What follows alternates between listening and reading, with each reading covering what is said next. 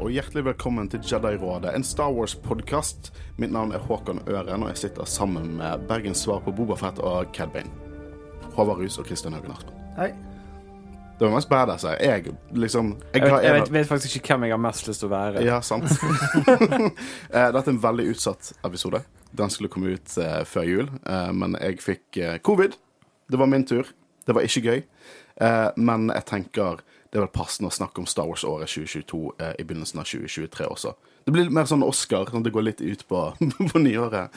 Og vi vet jo det at eh, alt Disney ønsker, er disse prisene fra denne norske Star Wars-podkasten. Det er alt de er ute etter. Um, vi kan jo begynne å snakke litt overfladisk, da. Hvordan synes dere Star Wars-året 2022 var?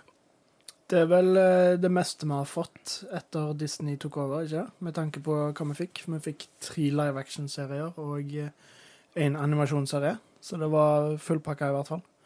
Eh, Jeg tror det har aldri vært så fullpakket før. Ja, det er episk, det er gøy, og eh, det kommer jo bare mer. Ja. Det er jo tre live action-serier neste år òg. Nei, i år! I I år! år. I år! Skal vi late som det spilte i 2022? Er det tre år? For det er Mandalorian, Asoka Men hva er tredje? Uh, Skeleton Crew. Kommer den ut i 2023? Mm. OK, men da, da blir den en fullstappa i 2023 også. Um, hvordan synes dere året går? Hvordan var på en måte innholdet, synes dere? Ja, nei, det var bra, det. Ja, variert. Variert. Veldig variert. Veldig variert. Og det, var, det, var, det er gøy. Det er noe for alle. Og uh, det er fanservice og uh, mye forfriskende ny Star Wars, og det, det, det er kjempebra. Jeg syns Disney på en måte har Når de har gått over til serieformatet nå, så føler jeg at det er på riktig spor. De, de er inne på noe. Ja, jeg, jeg synes det. Og jeg- jeg vet at Star Wars vil alltid være uh, omdiskutert. Men jeg har sagt det før, jeg føler ikke vi har fått noen stinkers ennå. Ja, Book of Boba Fett var kanskje litt ufokusert, og Kenobi hadde kanskje noen, noen sånn produksjonsproblemer, helt klart pga. covid. Eh, men det på en måte, jeg syns alt det vi har fått, har vært bra på sin måte. Eh, men det er jo noe som vi synes er bedre enn alt det andre, og det skal vi gå inn på eh, senere. Vi har også fått inn lytterinnspill. Eh, altså, vi har fått inn eh, Vi ba, spurte dere eh, tidlig, nei, sent i fjor hva, dere, eh, hva var deres favorittverk fra 2022 innad Star Wars, og da hovedsakelig mente vi The Book of Boba Fett, Obi-Wan Kenobi, Tales of the Jedi og Endor. Eh, samtidig tok vi en avstemning. eh, så vi har sånn publikumsprisen av hva som dere synes var best der ute, og så har vi valgt et par innspill fra hver av disse verkene som er liksom deres publikumsfavoritter. Da. Så, så det blir gøy. Eh, vi skal også snakke litt om, um, om hver serie, da. Eh, hva vi sitter igjen med nå eh, med seriene fra i fjor. Eh, har vi ruget opp noen nye meninger? Eh, hvordan det går, hva vi synes er best. Snakke litt om øyeblikkene vi synes er best, og litt sånn løs samtale om Star Wars-året 2022. Eh, så før vi hopper inn i det, Christian. Sosiale medier, go. Ja, eh, vi synes det er veldig kjekt å ha følgere på som Nei, vet du hva, jeg prøver på ny. Jeg synes det er veldig kjekt, alle dere som eh, er- følger oss på Facebook, Instagram, Twitter og eh, hva heter denne TikTok-appen. Jeg, jeg er for gammel. Nei da. Vi er alle for gamle, vi har tre videoer der. Eh, og eh, vi setter veldig pris på dere som gir oss en anmeldelse. Gjerne gi oss stjerner. Vi er veldig glad i fem stjerner. Veldig glad i fem stjerner. Jeg drømmer om fem stjerner. Eh, men ja, gjør det. Og som sagt, dere kan skrive hva faen dere vil i iTunes-reviewen. We don't care så lenge dere gir oss fem stjerner. Men nok om det. Nå skal vi hoppe inn i Star Wars-året 2022.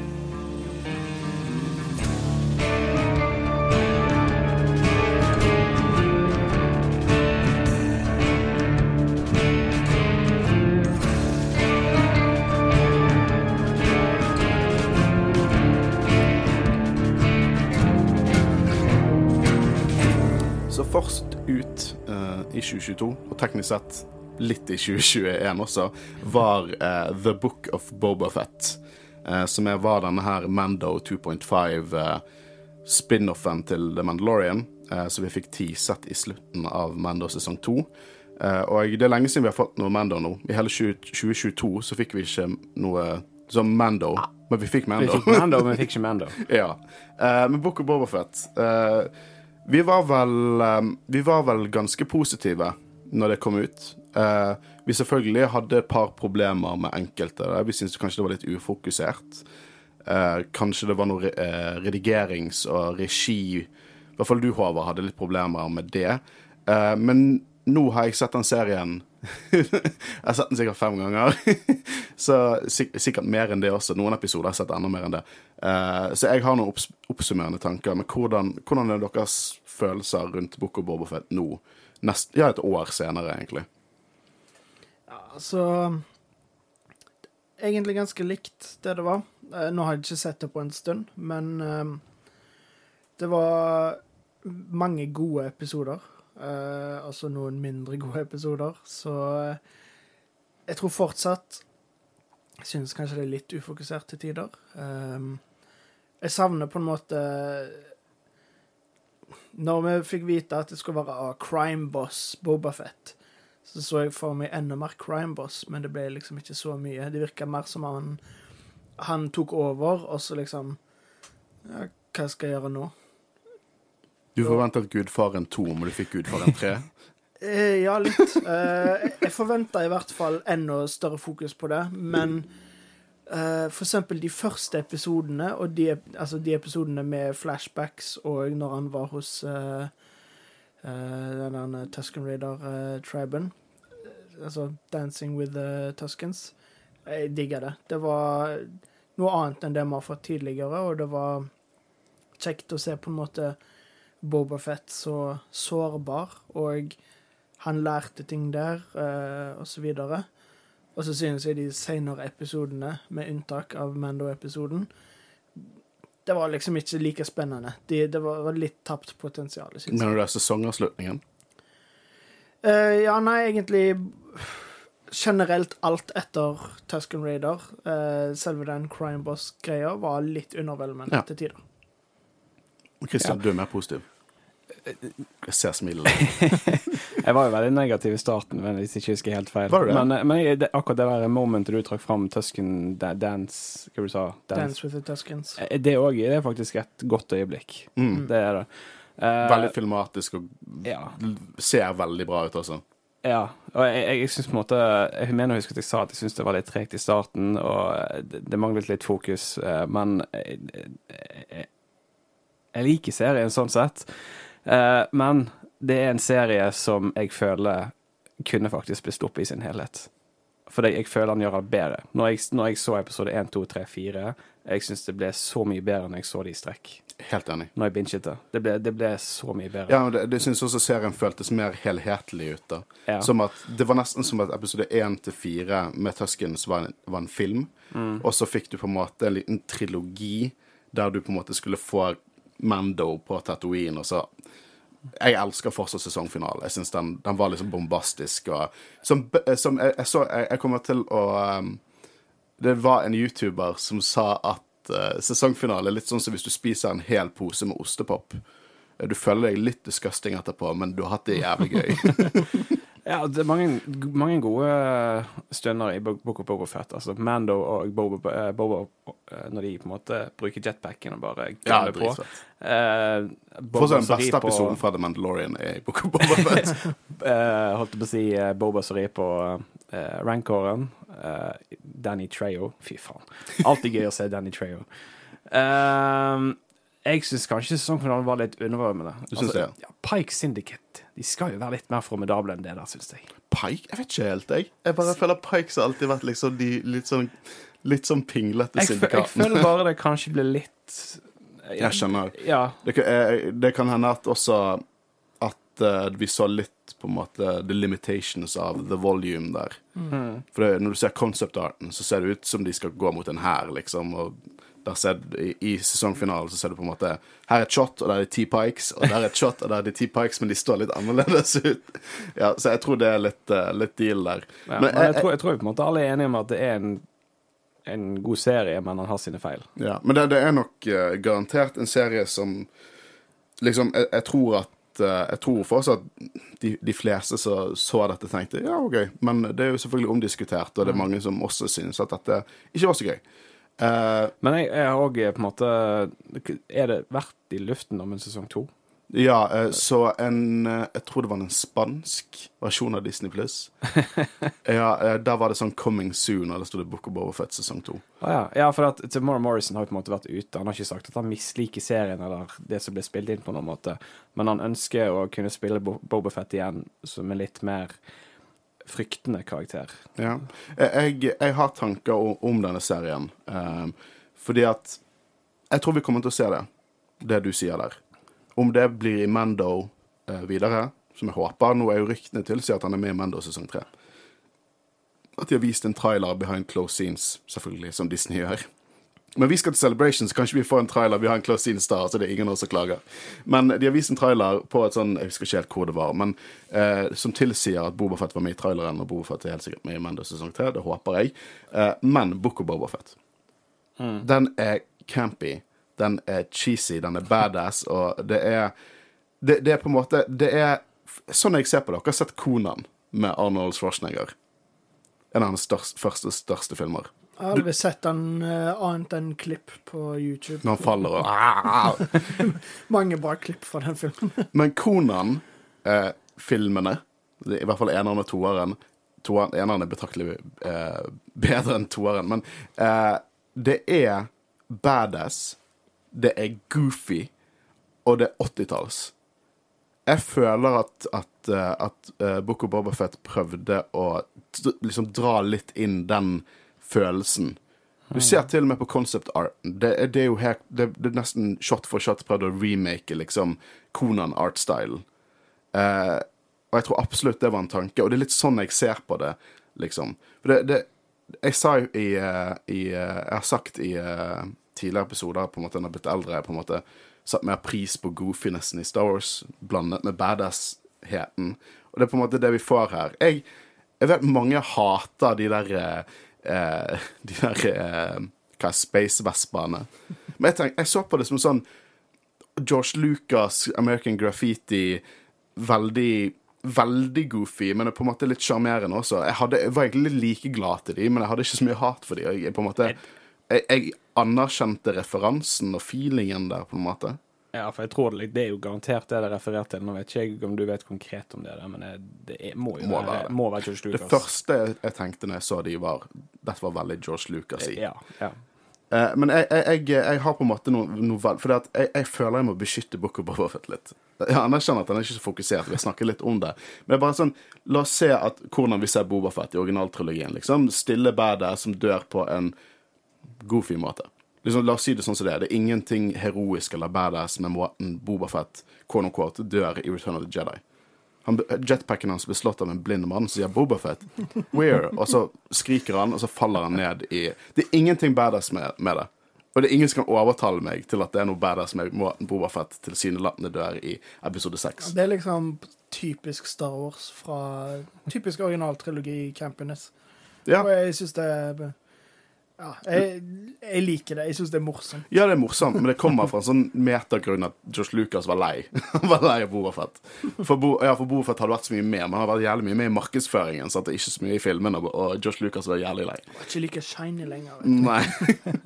uh, og så ser vi hvordan Boba Fett er på en måte i The Clone Wars. Um, han er hevnlysten på vegne av sin far. Uh, veldig Django sin legacy. Skal gå i hans fotspor. Han på en måte faller inn med the wrong crowd. Kanskje ikke så mye mer eh, kollegaene til Boba Fett, men mer hans, nei, Fett, men mer hans rivaler.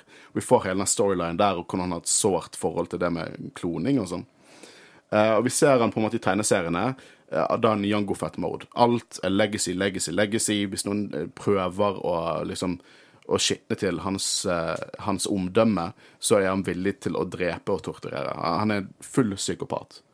Eh, og alt det gjør han på en måte i bill-imaget til Jango Fett. Og så ser vi hvordan han er i Mando når han dukker opp der. Uh, og det er på en måte ukarakteristisk. Ny look. Uh, veldig opptatt av å hjelpe denne familien han har kommet over. Så bare dette, er dette Boba Fett? Hva som skjer her? Og når, når han får en klonesammenligning der fra, fra Bo-Katan, eh, klikker det helt for han. Og det er på en måte eh, sånn ukronologisk storytelling her. For når vi får Book of Bobafett, så visste ikke vi at han kom til å lede opp til Mando. Forklare hvorfor han er sånn som han er i Mando. Og så videre derifra.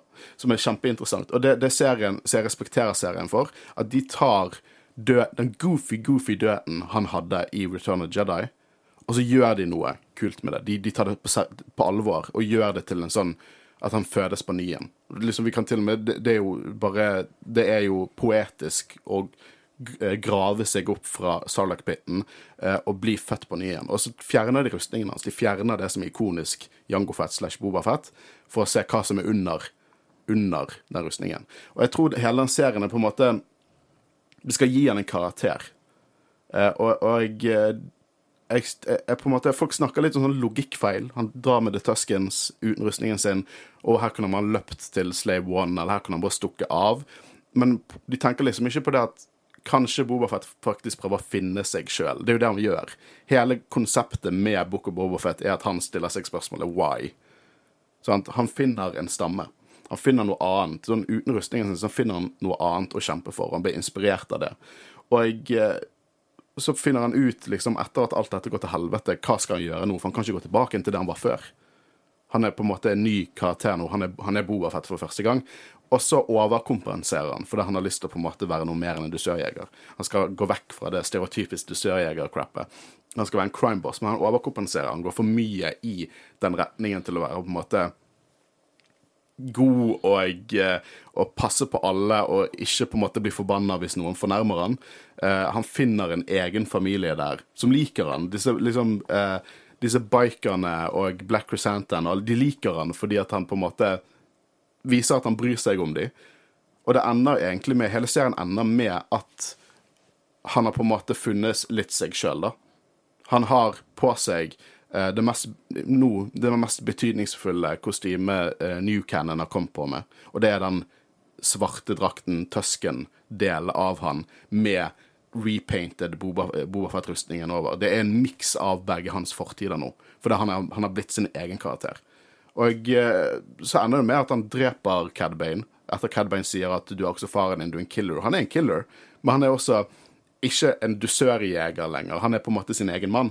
Eh, jeg synes at eh, det var veld... Jeg synes det er poetisk, det som ble fortalt der. Og ja, det kan hende at det ikke har blitt gjort så optimalt som det kunne blitt gjort, men de har tatt en karakter som for det meste var ganske endimensjonal, og så gjort han til en egen karakter. Og hvor veien går videre nå, det er det jeg er spent på. For nå har vi på en måte fått sett dette. Og det syns jeg er kult. Etter å ha hørt det, så har jeg faktisk en, nesten litt andre tanker. Jeg er bare eh, litt irritert at det ikke kommer bedre frem. Fordi- Nå er jo dette en litt, litt, litt, det er jo litt tolkning for, for min del, da. ja, eh, men det er en tolkning som jeg kjøper. Eh, Det er en tolkning som jeg nesten tror de var bevisst på at det var noe sånt de ville, men jeg bare syns ikke de fikk det helt fram mm. På den måten det burde. Eh, Samtidig, kanskje hvis de hadde gjort det noe annerledes, at det kanskje ville føles litt on the nose og eh, ikke like bra, at det passer bedre med tolkninger, men det, går igjen litt med det at serien føltes litt ufokusert ut, og eh, De kunne gjort det bedre å vise den delen som du snakket om, da. Mm. Uh, men uh, jeg, jeg kjøper absolutt at det er noe sånt vi kan ta ut ifra Book of Boba Fett. Ja, det, jeg liker i hvert fall den teorien veldig godt. Og jeg, um, mye av de, uh, dette her som jeg på en måte har dyppet tærne mine litt inn i nå, og popkorn, nei, ostepop-spøken min em, eh, Mye av det er inspirert av Ben from Canada sin video som heter The Good of Bobafett. Uh, han lagde en kul video-essay om, om det. Uh, som, og jeg deler mange av hans tanker på det. da. Så han, han går inn, inn han på en måte plasserer alle disse hendelsene kronologisk og går litt inn på det. Så uh, absolutt ut og sjekk hans video. Det er faktisk tilfeldigvis han som er editoren til eh, eh, Daily Planet og Mr. Sunday Movies. Eh, men han lagde en veldig kul eh, video på det som er verdt å, å sjekke ut. Um, jeg må også si at jeg, Det er mange scener i Book of Bowfet som jeg bare digger av ren sånn barnslig Star Wars-glede. Eh, liksom togscenen awesome. Eh, jeg elsket når, å se han på en måte grave seg opp av Tusken, nei, av Sarlacc-pitten. Jeg digget det over the top, eh, bombastiske musikken som bare traff meg som en neve første gang jeg, jeg hørte det. Og selvfølgelig eh, Boba Fett rir på en rancor. Og, og eh, slåss mot store droider, og en duell med Cad Bane. Og i, liksom som er dritbadass å se Cad Bane i live action, men også her på en måte på, drepte han seg sjøl. Han drepte liksom det imaget folk har av Bobafett, hva fortiden fortid, sin egen fortid han drepte der, som jeg syntes var dritkult, var poetisk. Det var, sånn, det var liksom den Star, Star Wars-viben, og, og ikke minst å se, eh, se liksom Mando komme tilbake i så badass fashion, og Asoka og Luke som interagerer. Det er jævlig mye kult fra Book of Bobafett. Dritmye fett. Eh, så Og så må vi ta en liten klype salt på om Cad Bane er død. Ja. Men nå med denne tanken min om at på en måte dette her, så, så er det, litt, det er poetisk at han er død. Men eh, han dukker helt sikkert opp igjen. Men jeg liker, jeg liker tankegangen din. ja. Det gjør jeg. Men jeg er for så vidt òg enig med Håvard om at de kunne vist det bedre. Ja. Nei, det burde vært litt mer fokusert. Jeg tror også det at um, For jeg anerkjenner at det er veldig rart at det er to episoder av The Mandalorian på slutten. Når det begynner å bygges opp mot klimakset i, i Book of Bobfett. Jeg tror rett og slett at dette her egentlig ikke var meningen det skulle være sin egen serie. Jeg tror at dette egentlig skal være med i Mando sesong tre. Og så fant de ut at vi har mye Bobafett i Mando sesong tre. Kanskje vi skal skrive det litt om. Ja, Og for så- det, det er ganske artig at uh, det er en hel episode her der Bobafett bare har en cameo. Det er en episode der han bare blir name-droppet, og så er en episode der han bare har en cameo han sier ingenting. Ja. Uh, men det, var fortsatt, det er fortsatt jævlig god Star Wars, liksom. Ja, det, Så jeg, jeg på en måte Jeg, jeg, jeg, jeg skjønner hvorfor det plager folk. Altså, her, altså, I denne serien her så er jo et av mine favorittøyeblikk. Det er vanskelig å sette fingeren på ett, men uh, jeg elsker interaction med uh, Asoka og uh, Luke. mm. Det er nydelig. Tårevåt nydelig. Ja, og bare høre Anakin bli name-droppet Altså, much like your father. Ikke Anakin direkte, da, men du skjønner hva jeg mener. Nei, men det, er- det, Men ja, nei, for, det er et godt øyeblikk. Så måtte det, det måtte være noe sånn når de møttes første gang, så måtte det være noen referanser til Anakin. Og det, Ja. ja, det gleder meg dritmye til Soka-serien.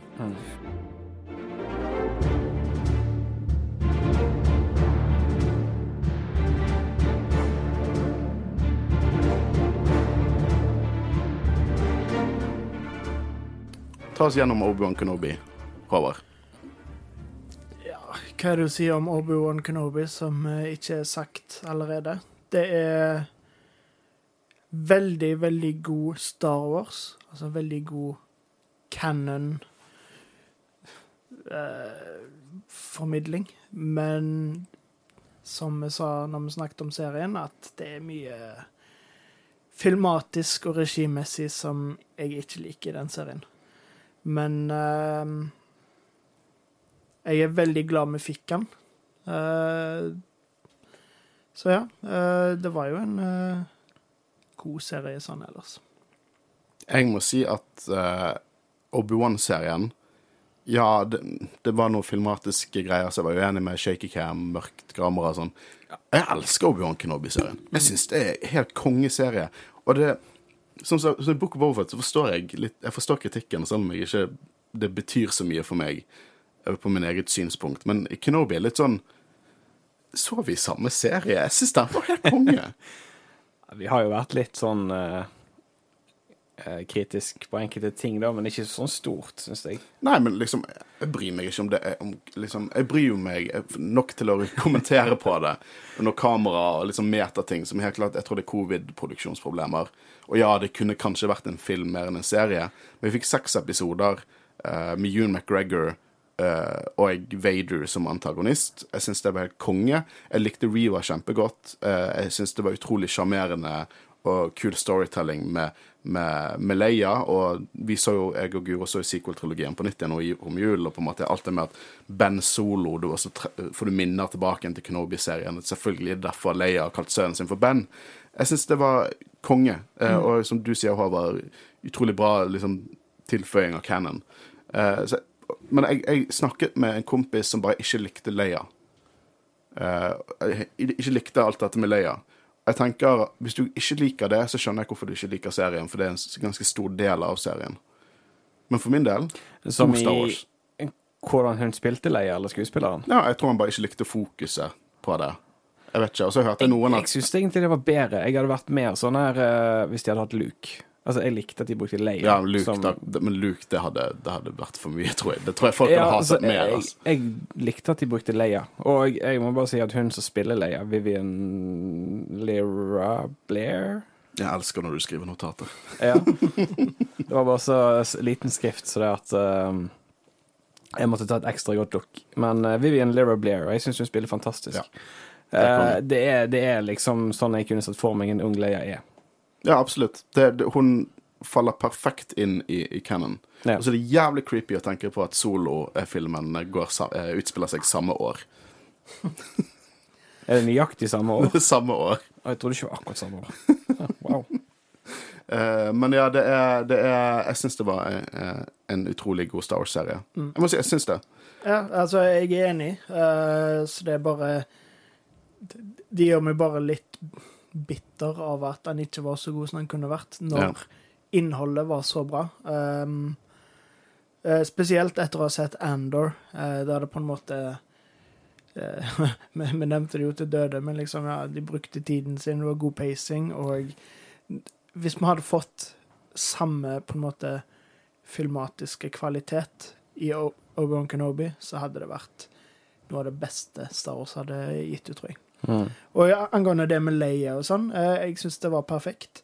Eh, både, altså for det første, kjekt å se mer av Leia, for det er en karakter som har vært med siden starten, men ikke brukt så mye. Kanskje Hun fikk ikke sin egen sequel-film, sant? så det var liksom et lite plaster på såret å få en serie som hadde Leia som en så stor karakter. ja, jeg, jeg vet ikke, Nå har ikke jeg lest noen særlig bøker eller tegneserier, så jeg vet ikke om hun får en Får time to shine der. Hun får masse time to shine der. Men det å se i live action, uh, få vite mer om Leia og på en måte oppveksten hennes, jeg syns det var perfekt. Og det at uh, Obi-Wan måtte redde hun, det har jeg ingenting imot, fordi jeg, uh, jeg synes det passer veldig at Obi-Wan var veldig sånn Hadde mista håpet og levde i en hule og alt mulig sånn. Han trengte A New Hope, rett og slett. uh, og da synes jeg det passet veldig bra at det var Leia, uh, fordi da fikk han på en måte sjansen til å redde noen på ny. Han fikk troen på, på The Cause, på The Jedi, uh, Rebellion Ja. Sånt igjen. Så jeg um, Ja, jeg likte han veldig godt. Skulle ønske det var annerledes regissert. Jeg likte serien veldig godt. Denne her har jo òg mange gode moments. Uh, Kenobi mot Vader og uh, Ja. mye forskjellig. Uh, Quaigon dukker opp. Awesome. Um, mitt favorittøyeblikk er når Kenobi sier 'hello there'. Uh, nei, det, det er mye bra. Jeg òg elsket serien, eh, men eh, ja. Det er alltid forbedringspotensial. Ja. Men eller, liksom, det hadde vært kjedelig hvis vi bare Ja. Men jeg er, gjerne, jeg er veldig interessert i å se den uh, filmen som noen uh, har. Flere lyttere har anbefalt oss om at Så jeg er veldig nysgjerrig, for jeg kan se for meg at det kunne vært uh, Du korter jo ned på content da, men Jeg, jeg tror bare, det kunne vært bra. jeg bare tenker det at ja, jeg tror de ble litt revet med av hvor bra Mando ble, rett og slett. At, Mm. at alt måtte liksom være serier. For jeg tror både Kenobi og Book of Boba Fett for den saks skyld hadde egnet seg som filmer kanskje bedre enn serier. Ja, men på samme måte så elsker jeg at vi får mer. Ja da. For jeg vil ha mer. Jeg vil ha mer. Jeg vil ha mer, sant? Jeg syns det er bra. Men Jeg er så jævlig hyper for Mando sesong tre nå. jeg tror de har noen gode folk bak uh, Canon Storyboard. Da. Så det Ja, at, jeg tror de, de, de klarer seg, men uh, de lærer på veien.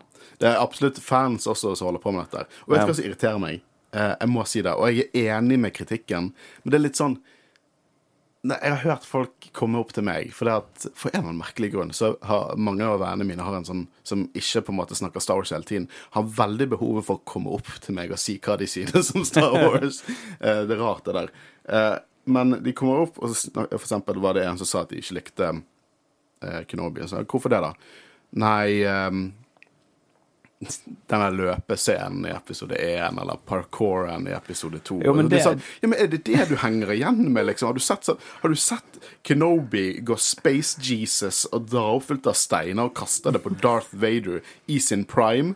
Og så er det løpescenen. Det var en teit løpescene. De kunne kuttet den løpescenen. Men det er jo ikke det jeg sitter igjen med. Det er sånn som Solo. Ja, Solo er ikke den filmen eh, vi er mest glad i. Men jeg, Det eneste jeg sitter igjen med det, Jeg sitter ikke bare igjen med hvordan han fikk navnet sitt i slutten av solo.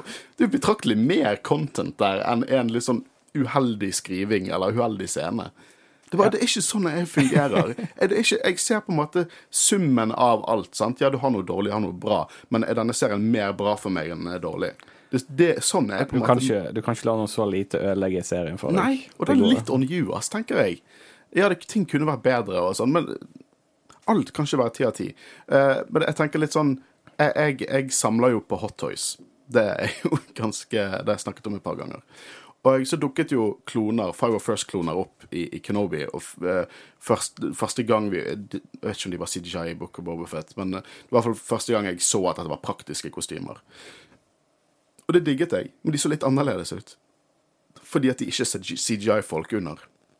Fordi at hvis du skulle tatt en klonerustning fra Return of the Jedi og bare prøvd å tatt noen folk inni der, så hadde ikke vi fått plass, for de er ikke Det er ikke anatomisk mulig for en menneske å gå inn i en CGI-versjon av klonerustningen fra, fra uh, Revenge of the Sith, mener jeg.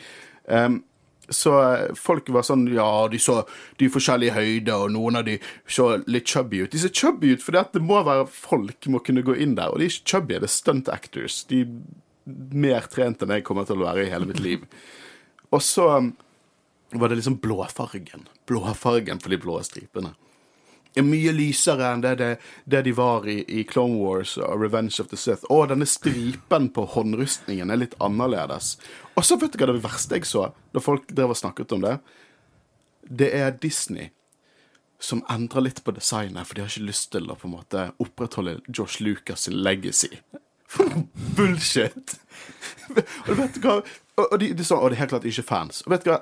Tested med Adam Savage. Han hadde nettopp en video der han gikk eh, og, og besøkte de som laget propsene til Kenobi og rustningene, og så gikk han gjennom hele klonerustningen. Og hun som har eh, på en måte vært med å designe hoved, med å designe dette, som snakket om det, hun er en Five of First-member. Og jeg har eh, sett hun fra hun var sånn tidlig 20-årene, sin egen YouTube-kanal, lage alle slags rustninger. Hun er så stor fan. Adam Savage eh, sa i den videoen For Adam han, han er stor Star Wars-fan, han vet jo ingenting om Clone Wars og liksom dypere canon. Eh, men han på en måte Han tok en spøk om at på designet på hjelmen sier han, at det er vel derfor de skyter så dårlig. Så sier hun Vel, dette er klonetroppere, og de, de skyter de, de, de er litt flinkere enn Stormtroopers. rettet på Adam Savage. Stor Star Wars-fan. Og den blåfargen gå tilbake igjen til å se, se CGI-modellene fra uh, Revenge of the Sith. Det er ikke mørkblå, det er mer teal. Og så ser du, når de tar på filter og lys, så ser den mørkere ut, skjønner du. Så det, Man kan ikke begynne å kritisere det nå. Vet du at Stormtroopers ser forskjellig ut fra Rogue One, New Hope, Return of the Jedi, Empire Strikes Back.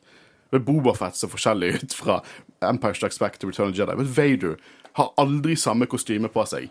Det endrer seg hele tiden. Så hvorfor er det med kloner vi må klikke? Nå er det en ni nisje av fans som klikker over det. Folk som samler på hot toys. Og allikevel. Å he- hekle seg opp i sånne ting. Jeg bare forstår det ikke. Men ja, ja. Det er, alltid, det er alltid noe å henge seg opp i og klage på. Ja. Eh, Jeg kan jo dra fram eh, det eksempelet så, Eller et av de tingene jeg dro opp, og det er jo eh, looken til Granny Quister. Jo, ja. Det er ikke noe som ødelegger serien for meg, men eh, eh, det er bare sånn der eh, pirkete liten detalj som jeg OK, hvorfor det? ja. Men, men eh, ikke at det på en måte ødelegger serien på noen måte for meg. Men jeg tror absolutt at eh, det var mer for at de ville finne riktig skuespiller enn å finne riktig look, på en måte. Og eh, alt design i Clone Wars ser jo litt wonky ut. Eh, det er bare Sett på bakhodet til, eh, til Count Dooku. Ja, men liksom, det er bare sånn animasjonsstilen er. Eh, så hvis så Jeg så jo en meme med, der noen hadde liksom photoshoppa Count Dooku med um, Christopher Lee til å se ut som Clone Wars. Men, men, men, men ta, er jo stor forskjell. Det er Det- det- vanskelig å få animasjon over i live action. Akkurat der er jeg helt enig med deg. Eh, men la oss ta i betraktning at eh, den rasen til Grand Inquisitor har vært med i live Mm. action, som er Revenge of the Sith. Ja. Så skal jeg Ja. Men det er litt sånn ikke, liksom, La oss begynne på Twillek da. De ser jo forskjellige ut hver gang de dukker opp. Men jeg, jeg likte um, Rupert Friend. Friend. Friend. Han som spilte Lucius Malfoy, var ikke det? Nei, det er jo, det er jo, det er jo Jason Isaacs. Ah, det var han- Jason Vi var så lei oss for at det ikke, han, det ikke var han som spilte. Men jeg syns at uh, Rupert Friend og Ja, men ikke der ser Grint du. eh, gjorde en god Jeg, jobb. jeg tar han opp for at jeg er lei meg for at det ikke var han som spilte han. Ja, men han, gjorde en Også folk klikket ikke. Han har ikke sett Rebels engang. Ja, men det er jo ikke hans jobb å se det. det er skrive, de som skriver det, sant. Uh, og de har helt klart sett Rebels, så eh, Forhåpentligvis. Men uh, jeg syns han gjorde en god jobb, jeg. Uh, skulle gjerne sett litt mer av han. Uh. Og det er jo litt, litt ros til Hayden Christensen for denne serien. her Han så jo hele Clone Wars og hele Rebels Ja. som prep til jeg var så serien glad på hans vegne at han kom til, fikk lov til å komme tilbake igjen og, gjøre det. Jeg, jeg hørte at Hva het hun som har skapt serien? Altså hun som har regissert den? Deborah, Deborah. Chow. Mm. Ja, jeg hørte, eller jeg leste, at for å få Hayden Christensen med på dette prosjektet, så fløy hun til gården hans og introduserte han for hele serien.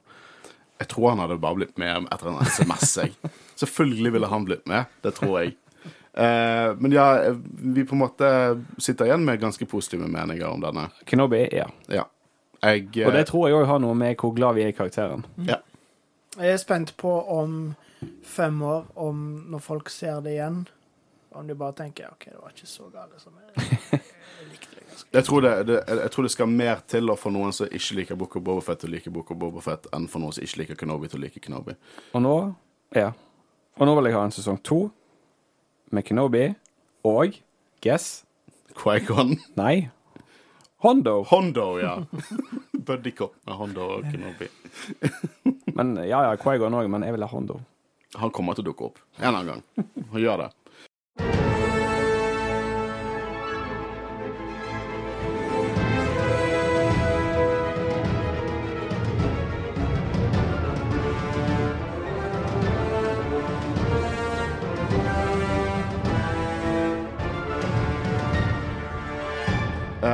Men eh, Tales of the Jedi, ta oss med på den reisen, Christian. Det var Jeg tror jeg de episodene jeg husker mest fra den serien, det må være de med Count Count Dooku. Eh, og siste episoden av Soka, kanskje. Men eh, den hadde du problemer med, husker jeg. Eh, men jeg.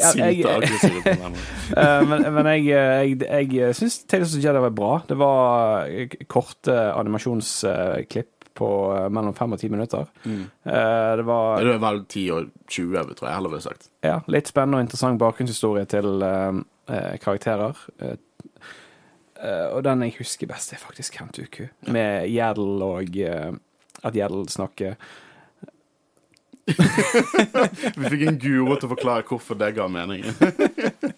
Eh, en, sånn så- så- ja, språkekspert. Eh, Ja, men uh, jeg, jeg syns Tales of Jedi var, var bra. Jeg likte det. Det var Ja.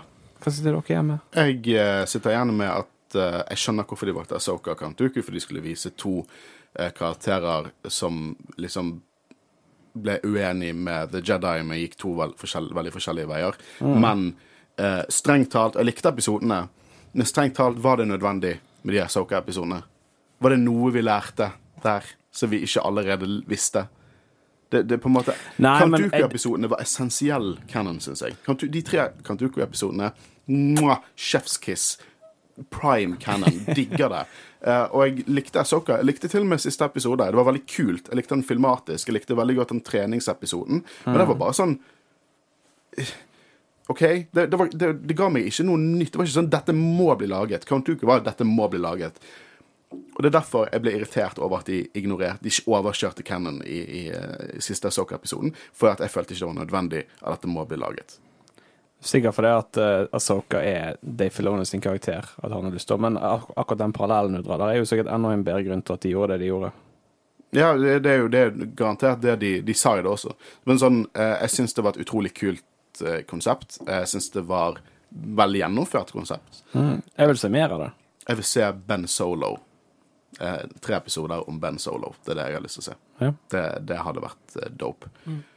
Men ja, som du sa, det er et utrolig kult konsept, og eh, jeg liker veldig godt det Disney gjør med å på en måte gi gi oss sånne ting. Eh, tidligere så fikk vi òg Star Wars Visions. Det er jo ikke canon, men det konseptet òg, med å bare la forskjellige folk Får ikke vi eh, sesong to av den i år? Eh, kan, om det er i år eller neste år, det vet jeg ikke. Men eh, i hvert fall, jeg, eh, Jeg vil jeg sier, ta gjerne imot mer av Tales of the Jedi, eller egentlig bare Tales of the Altså, det kunne vært Tales of the Republic, Tales of hva som helst. Mm. Bare sånne små ting som utdyper ting.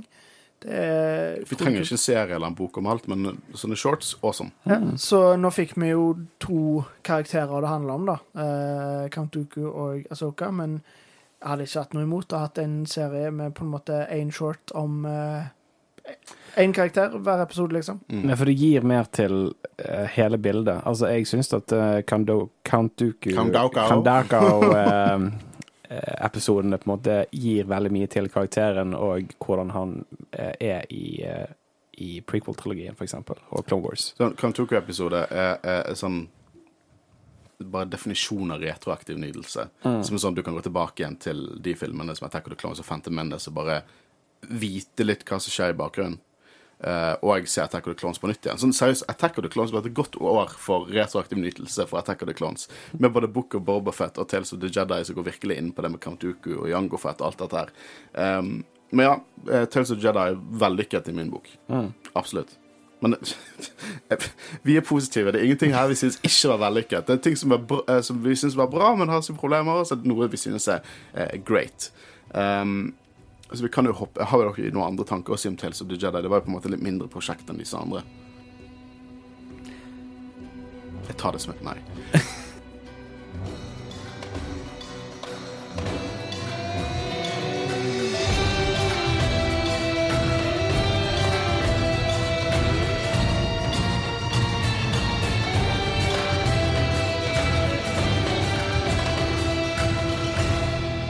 Endor, gutter. Endor. Nyeste og ferskeste serien vi snakker om i dag. Tolv episoder. Eh, Tolv relativt lange episoder. Eh, dystert. Eh, Ola Spaceman i støvler. Ingen quote unquote, ingen fanservice, men eh, de hadde klart å få inn masse fanservice for det om. Eh, et ganske nytt eh, og ferskt image på på måte konflikten mot The Empire. Eh, kanskje ikke så typisk Star Wars som vi har sett før. I hvert fall ikke typisk mainstream Star Wars. Eh, men jeg eh, må si at eh, den serien var akkurat det jeg forventet den skulle være. Akkurat det jeg håpet den skulle være. Og jeg syns den var helt fantastisk. Ja, jeg er helt enig. Uh, jeg kan allerede si nå at eh, Andor definitivt er min favoritt fra Star Wars-året 2022. Det var helt nydelig skrevet. Det var spennende. Det var eh, interessant. Eh, og bare det å utdype en karakter som Cassian Andor eh, var noe vi på en måte ikke trengte. Men jeg er så utrolig glad for at vi fikk det. Og eh, Nei, jeg, eh, jeg syns det var Du er nesten litt på gråten. nesten litt på gråten. Ja. Nei, bare, det var liksom Når Disney kjøpte Star Wars og annonserte at de skulle slippe sin egen strømmetjeneste Jeg har sagt det før, om det var akkurat sånn som dette her jeg ville de skulle gjøre. Bare leke med sjangre og gi oss noe annet, og at de kan gi oss forskjellige ting.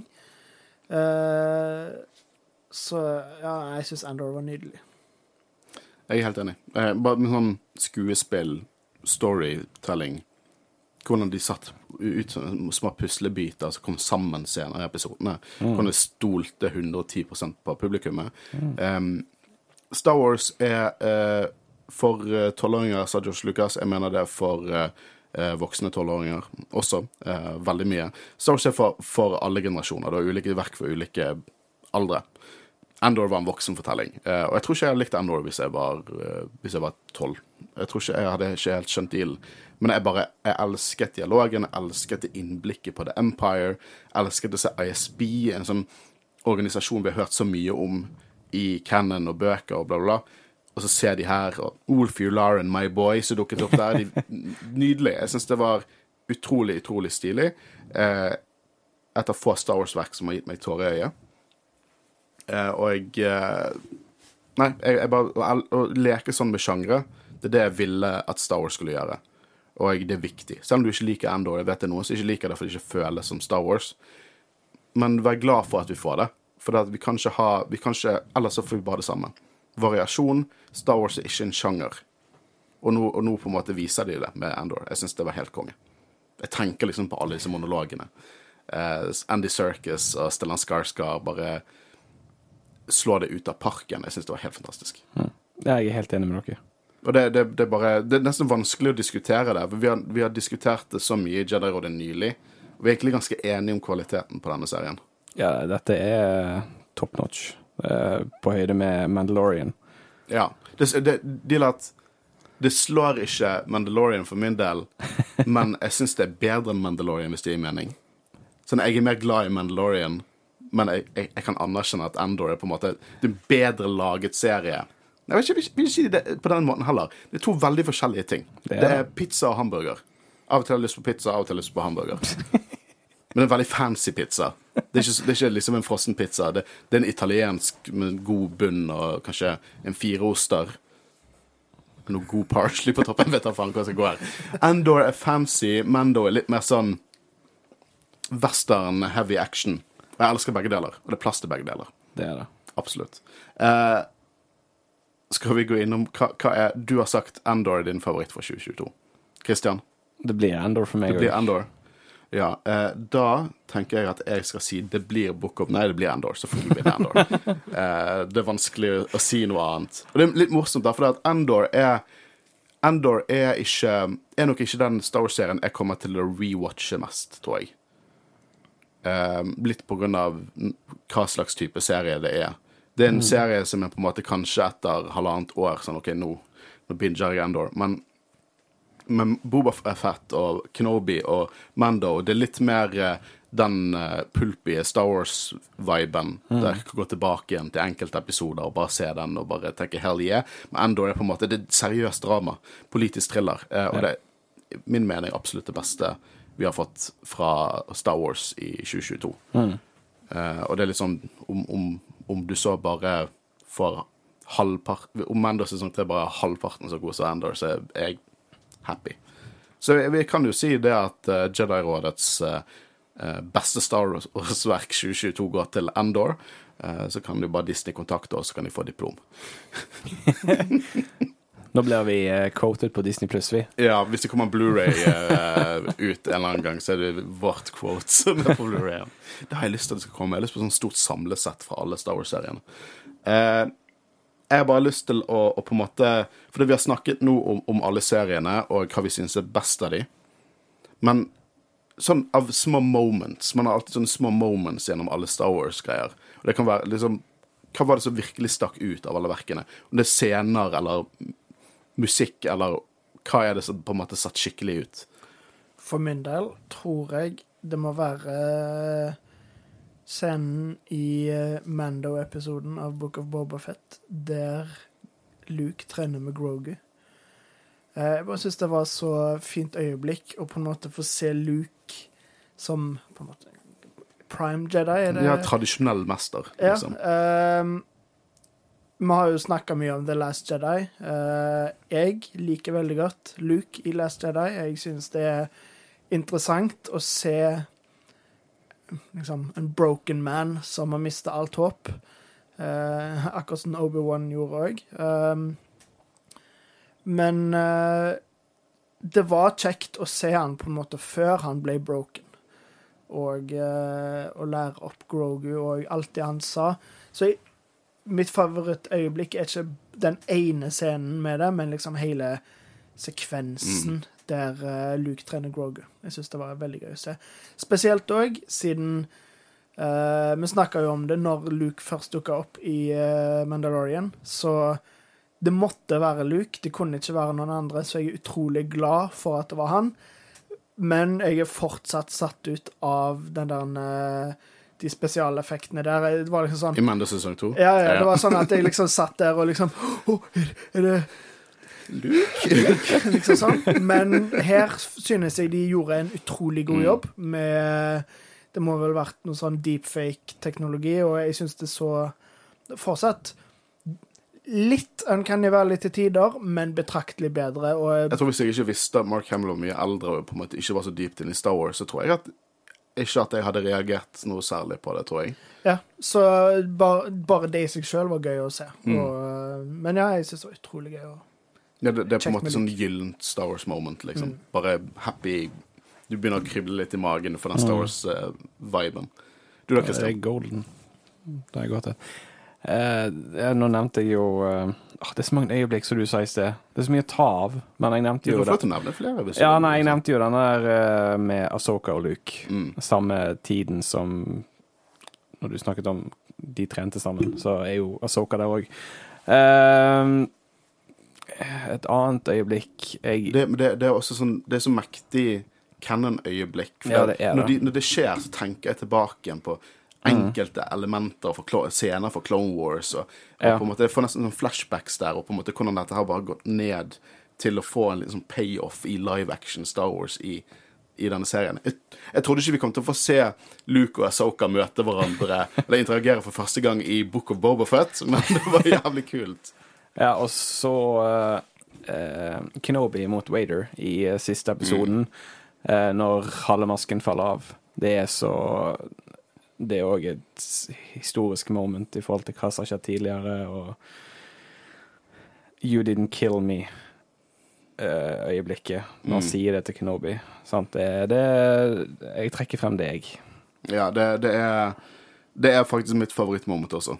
Eh, bare Jeg vet det er cheesy det der de har sagt at liksom det var Soka som fikk vekk andre siden av masken, og det- Obi-Wan som fikk eh, vekk den siden av masken. Ja, det, det- var Luke som fikk fra, av hele masken. men det er fortsatt kult. Jeg syns det er kult. og det var jævlig kult å se det, den Bare Hayden Christiansen bare spille kjempebra Vader. Kjempebra ødelagt Anakin, og på en måte ha den samtalen med Obi-Wan. Obi-Wan som sier eh, Kaller han Darth, som han gjør i, i New Hope. Nydelig, nydelig sekvens. Jeg syns det er helt fantastisk. Ja, jeg elsker den scenen. Og jeg, akkurat det der med at uh, 1-2 og Luke av med hjelmen, den har ikke jeg hørt før, men jeg likte symbolikken med at uh, Asoka tar ene siden, og Ja, det det, Kenobi liksom. andre siden. Ja, sant? Altså det, du, må, du må til Luke for, å for hele masken av, liksom. Det er kult, og det, det er helt sikkert det de har tenkt på. Eh, men uh, siden du tok min desiderte favorittmoment, så tar jeg et annet moment som ikke er dypt. Det er bare jævlig kult. Og det er Boba Fett på Rancor. Ja, men det er bra, det. Ok, Effektene var awesome. Miks av eh, CGI og praktiske effekter. Det var dritfett. Musikken var awesome. Action var awesome. Spesielt når Rancor som bare plukker opp en pike, og så tar Boba Fett og skyter han ut av hendene til Rancoren. Kom an, jeg får frysninger av å snakke om det. Bare ha det på en metal-album. Kan du tenke deg en, en kid fra sånn 80-tallet som så Boba Fett dø, sier de ja, om et par år? Så kommer Boba Fett tilbake mens han rir på en Rancor, liksom. Det er jo dritfett. What are you talking about? Det er helt konge. Det, det, det er liksom den beste Star Wars fastfooden ever. Eh, og det var, det var gøy. og jeg, eh, spesielt å se han og Mando eh, teame opp. Um, Ja. Spesielt med det shotet som svinger litt rundt i, og så Whistling Birds og Boba Fett sånn tar opp eh, foten sin, litt som Michael Jackson, og så skyter han ut to Whistling Birds fra, fra kneet sitt. Dritfett. I don't care. Dritfett.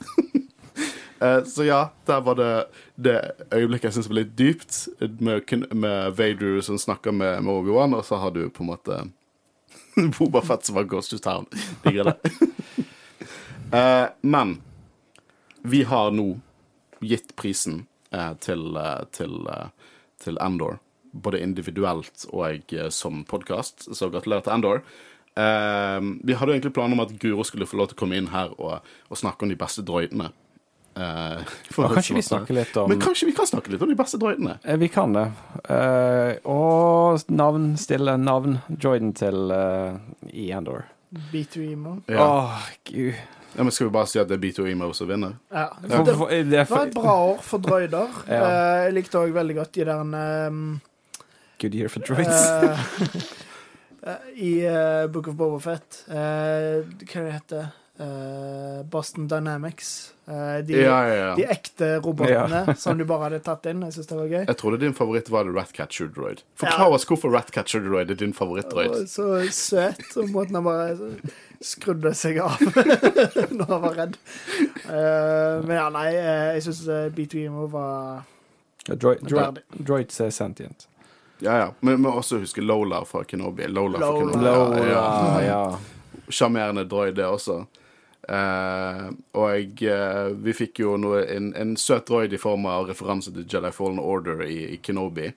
Bare, selv om det var bare én episode, så fikk jo vi den type droiden. Og det, ja, det var godt år for droider. Eh, Men B2Emo det er liksom den ferskeste, men B2Emo det Den snakker, og den stammer. Han snakker, og han stammer. Det er vanskelig på en måte å slå det i sjarmen, med tanke på at du får bare beeps som regel for alle de andre. Så ja, det blir, det blir dessverre B2Emo uh, for meg også. Det var bare, det, han var bare liksom seriøst.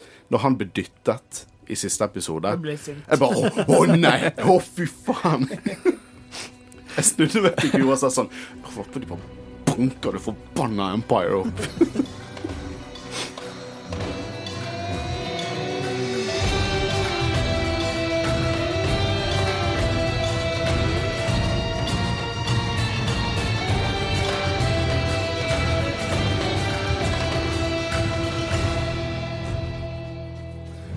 Men vi kan hoppe til, eh, ned til eh, publikumsprisen. Eh, vi spurte dere, som sagt, hva synes dere var best. Vi fikk inn eh, masse gode innspill. Eh, vi valgte én eller to eh, lengre innspill på hver eh, av disse feltene på hvorfor dere synes det var best. Det korteste ble Book of Bobafett, for det var én som skrev inn hvorfor de synes Book of Bobafett var best. Um, men vi skal ta og lese opp det, så ser vi, kommer vi gå nedover for hvem som fikk minst eh, stemmer i vår eh, spørring, og helt nederst hva som fikk mest. Eh, og for de som tenker at ja, ja, men det er åpenbart hva som fikk mest, det var ganske close i toppen. Nummer to og én de kjempet ganske godt. Av og til var den ene over den andre. Så det blir spennende. Skal vi se her. Vi kan begynne på fjerdeplass med 3% av stemmene vi fikk inn, og det er The Book of Bobafett. Liten. Så hva synes han ene lytteren vår om, om The Book of Bobafett? Uh, han synes uh, Grunnen til, til at jeg valgte Book of Boba Fett, er fordi den kom på det perfekte tidspunktet. Hadde ikke vært noen Star Wars-serier på ganske lenge, som etter min mening fungerer mye bedre enn det som er nå. Pluss at den kom midt i jula, som gjorde det, bra, gjorde det til en bra jul og en bra start på året. Ja, det, det, altså, det er ingen bedre julepresang enn Star Wars. Ja, men det, det, jeg synes det Jeg savner litt den julen, og så kom det en ny Star Wars-film. Jeg husker jeg var lei meg når uh, Solo skulle liksom komme ut eh, i mai, for jeg syntes det var mye koseligere. Og liksom julestresset, og så bestiller du billetter og julestemning, og så kanskje du går i romjul og ser den en gang til med alle de som ikke har sett den ennå. Jeg synes det er en kjempe Og jeg, jeg synes det er en legitim grunn til å synes Book of Boba Fett eh, bare at han traff, liksom. For du har på en måte litt den du koselige feelingen, og så kommer en ny Star Wars-serie. Jeg er litt uenig med at fordi at jeg elsker Jeg elsker at vi får mye Star Wars, og så variert Star Wars fra så mange forskjellige Star Wars creator, creators, som gjør at vi bare får masse variert Star Wars. Syns det er kjempebra, men eh, det, det, jeg, jeg kan absolutt respektere bare Nesten sånn The Force and Feeling på hvorfor Boko Bobo Fett var det du likte best. Men eh, 3 av stemmene 3% av stemmene. På tredjeplass, eh, med 12% av stemmene, det er Tales of the Jedi. ja. Ja, og eh, vi fikk et eh, ganske langt eh, leserinnlegg eh, der. Og eh, det er en eh, venn av oss, Kenneth Han begynte med å sende noe tull, og Ja. så sa jeg kan ikke du skrive noe seriøst. Fordi når jeg, les, når jeg så at Kenneth hadde skrevet, og det var liksom en langt essay, så tenkte jeg OK, nå kommer en sånn skikkelig shitpost. Men det er faktisk uh, overraskende bra skrevet, og eh, ærlig og uh, fint. Så Kenneth, well done. Kenneth skriver altså Jeg husker jeg satt i en kinosal med skeptisk blikk til Cocomelon-animasjonen og Teenage Togruta Jedi Tanktop fra filmen Clone Wars 2008. Tolv år senere satt jeg limt fast i sofaen hjemme og opplevde en episk konklusjon fra denne serien som jeg en gang var skeptisk til. Jeg var nå sterkt tilknyttet til de nye karakterene samt animasjonsstilen. En scene fra Tales jeg nå har sett flere ganger, er Dooku versus senator Dagonet. Den visuelle indre konflikten for Dooku, kombinert med klimaktiske musikken i bakgrunnen, gir meg fremdeles frysninger. Tales of the Jedi var dessverre bare seks episoder lang, men ga meg en dypere forståelse for flere karakterer, brakte frem gode minner fra Clone Wars og forhåpninger om hva som kan komme fra Star Wars i framtiden. What? En Star Wars-review basert på nostalgi? Uhørt. Ingen death threats, please. Så ja, Kenneth, takk for det. Jeg eh, sitter igjen Nå har jeg faktisk ikke sett eh, Clone Wars-filmen eh, fra 2008. Den har jeg ikke men, eh, Har ikke du sett den? Nei. Kanskje vi skal ta den neste julespesial? Ja, det kan vi gjøre. Men eh, ja, nei, jeg er Den- enig i det Kenneth skriver, at eh, det er liksom De få episodene vi fikk av Tales of the Jedi, det ga mer til både Star Wars-universet, men også ga mer til Clone Wars. Mm. Absolutt. Og det, det er kjekt å få en eh, For jeg, jeg tenkte liksom Tales of the Jedi kanskje ikke kom til å bli anerkjent så mye.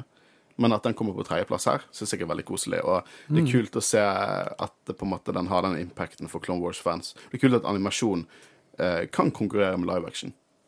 Absolutt. Så eh, takk for den, eh, Kenneth. Du har det i deg hvis du vil. og mange fine tanker der. Eh, Tredjeplass Nei, andreplass. Eh, skal dere trommevirvel? Det er med 37 Obi-Wan Kenobi på andreplass.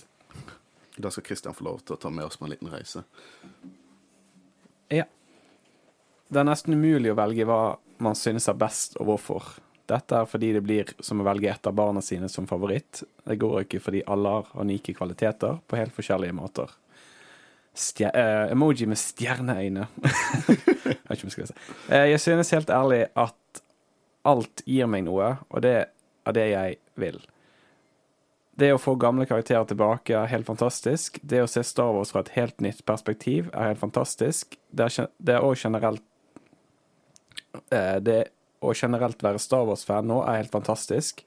Så denne oppgaven er nesten helt umulig. Men må jeg absolutt velge en av de, så må jeg si at Obi-Wan ligger litt foran resten. Og grunnen til det er nok at det for meg spiller på følelser som fikk meg til å bli en Star Wars-fan in the first place. Uansett Star Wars er bra, Star Wars er digg, I have spoken. Den fortjener en egen, for jeg viber så jævlig med den eh, kommentaren der. Sånn, Jeg har sagt det før. Jeg kan diskutere film og pacing og kamerateknikk og sånn, jeg gjør det litt til en viss grad, men jeg klarer ikke å være objektiv rundt Star Wars, for jeg elsker Star Wars. Star Wars er en stor del av meg. Og det er så gøy at hun fikk den følelsen ut av Kenobi, og at eh, det er på en måte den følelsen rundt Star Wars. Jeg det, ja, jeg, er så enig med alt denne kommentaren sier. Absolutt. Og, og jeg eh, gratulerer til Kenobi med 37% for det jeg sa. 37 Og på førsteplass, hva er det, tror vi? Skal vi si eh, det er 48 så litt mer enn 10 mer enn Kenobi. Men på et tidspunkt så var det, var det veldig close. Eh, det er Endor med 48 eh, eh, Og da har vi fått litt, inn litt forskjellig om Endor. Vi har fått, tatt to her eh, om Endor. Eh, første her er Halla. Jeg, skre, jeg har skrevet tidligere at Endor er det beste live action etter Mando. Det mener jeg fortsatt enn så lenge. Eh, så frem til andre sesong eh, frem, Så fremt andre sesong ikke går helt sørover, da. For meg så var det ikke forventningene så høye til Endor. Noe som eh, har vært en stor fordel da jeg har blitt positivt overrasket hele tiden. Endor er en serie som etter min oppfatning egentlig ikke kan gjøre så store, så store feil i forhold til forventningene, med unntak av riktig og quote skummel fremvisning av The Empire Stormtroopers. I Endor, som stort sett handler om Ola Spaceman, så var Stormtroopers skumle, og det var deilig å se Endor var top notch. Likevel har jeg mer følelser for Kenobi. En serie med sinnssyke store forventninger. En serie jeg gruer meg til hver uke, i motsetning til Endor. Jeg gleder meg til hver uke. Grunnen til at serie, til at en serie som Kenobi kan få tråkke litt i salaten, er pga. forventninger. Da Kenobi vant, var de viktige scenene som dukket opp. Begge fightene med Vader er så sykt emosjonelle eh, på forskjellige måter, og det vant hjertet mitt. PS, dere har en awesome podkast, og jeg har lært utrolig mye om universet fra dere. Takk til dere, og takk til deg eh, for fine ord. Eh, men han har også gått litt inn på det jeg sånn synes. sant? Endor er min favoritting for i år, men jeg sitter eh, jeg har på en måte Hjertet mitt tilhører enkelte av de store scenene fra sånn Kenobi. Og jeg tror han er veldig inn på dette med forventninger. Um, selv om jeg, jeg tror også Jeg føler at jeg blir klar å se relativt objektivt på sånn metating som regi og storytelling og sånn, men Obi-Wan må jo ha vært en av de største etterlengtede seriene ever. Jeg så jo lyttertallet våre eksploderte vi dekket Obi-Wan Kenobi. De bare fløy opp i taket. Men jeg tror absolutt han er inne på dette her. Og det er litt det også jeg mener med sånn Jeg kan ha en serie som jeg liker best, med sånn annen serie som jeg synes er bedre, hvis det gir mening. Ja. Men eh, takk for at du sendte inn til oss. Eh, vi har en til her. Yo, tenkte jeg skulle svare på eh, det dere la ut på Spotify eh, Story forleden dag. Endor eh, er by far det beste i år. Jeg har eh, vist den serien til folk som aldri har sett Star Wars, og de elsket de. Eh, de har nå begynt på filmene. Endor er så å si perfekt. Det samme kan egentlig sies om Tales of the Jedi, men det var for kort til å nå helt opp. Jeg har tidligere snakket om mine problemer med Kenobi, og trengte ikke å ta det opp en gang til. I don't get me started on Book of Boba Glemmer helt at den serien er en ting. Eh, etter Mando kom inn, ødela det serien for meg. Um, skal vi se her Han tar dessverre all fokus vekk fra hvem serien egentlig er ment for. Eh, I både Book of Boba Fett og Kenobi synes jeg ikke fanservicen funket helt. Eh, det er en bra ting med Endor. Den treng, trenger ikke fanservice. Er bedre uten. Don't get me wrong, jeg elsker både Book of Boba Fett og Kenobi, men når man skal kåre, eh, kåre faller de langt bak, i min mening. Eh, ja, eh, det er fanservice. Det er liksom det. For jeg føler at fanservice kan bli gjort bra og kan bli gjort dårlig. Eh, jeg har ting med Jeg føler det er enkelte fanservice moments i på en måte seriene som på en måte er litt sånn on the nose. Men for eksempel, jeg syns Mando har gjort en veldig god jobb med fanservice, og ironisk nok så syns jeg også Andor har gjort en ganske god jobb med fanservice. Uh, fanservice skal på en måte ikke være på bekostning av plottet, det skal være med plottet. Og eh, at Asoka og Boketan og alt dukker opp i Mando, for, i min mening er jo det, det er super-fanservice. Det er jo det skriker jo fanservice, men jeg syns også det passer plottet. De anerkjenner Kennan, det gir en mening at de er der. Eh, men jeg skjønner jo at det er litt omdiskutert. Enkelte vil jo hele tiden ha nytt, nytt, nytt. Uh, mens for min del Kom nå, Cad Vane dukker over. Det, det, det, det er kult. Det er kult. Uh, men ja eh, vi, er, vi er ganske enige når det gjelder Endor her. da. Eh, Så da har Endor vunnet alle prisene i, i år. Og tusen takk til alle sendt inn. Har vi noen oppsummerende tanker eh, på alt dette? her?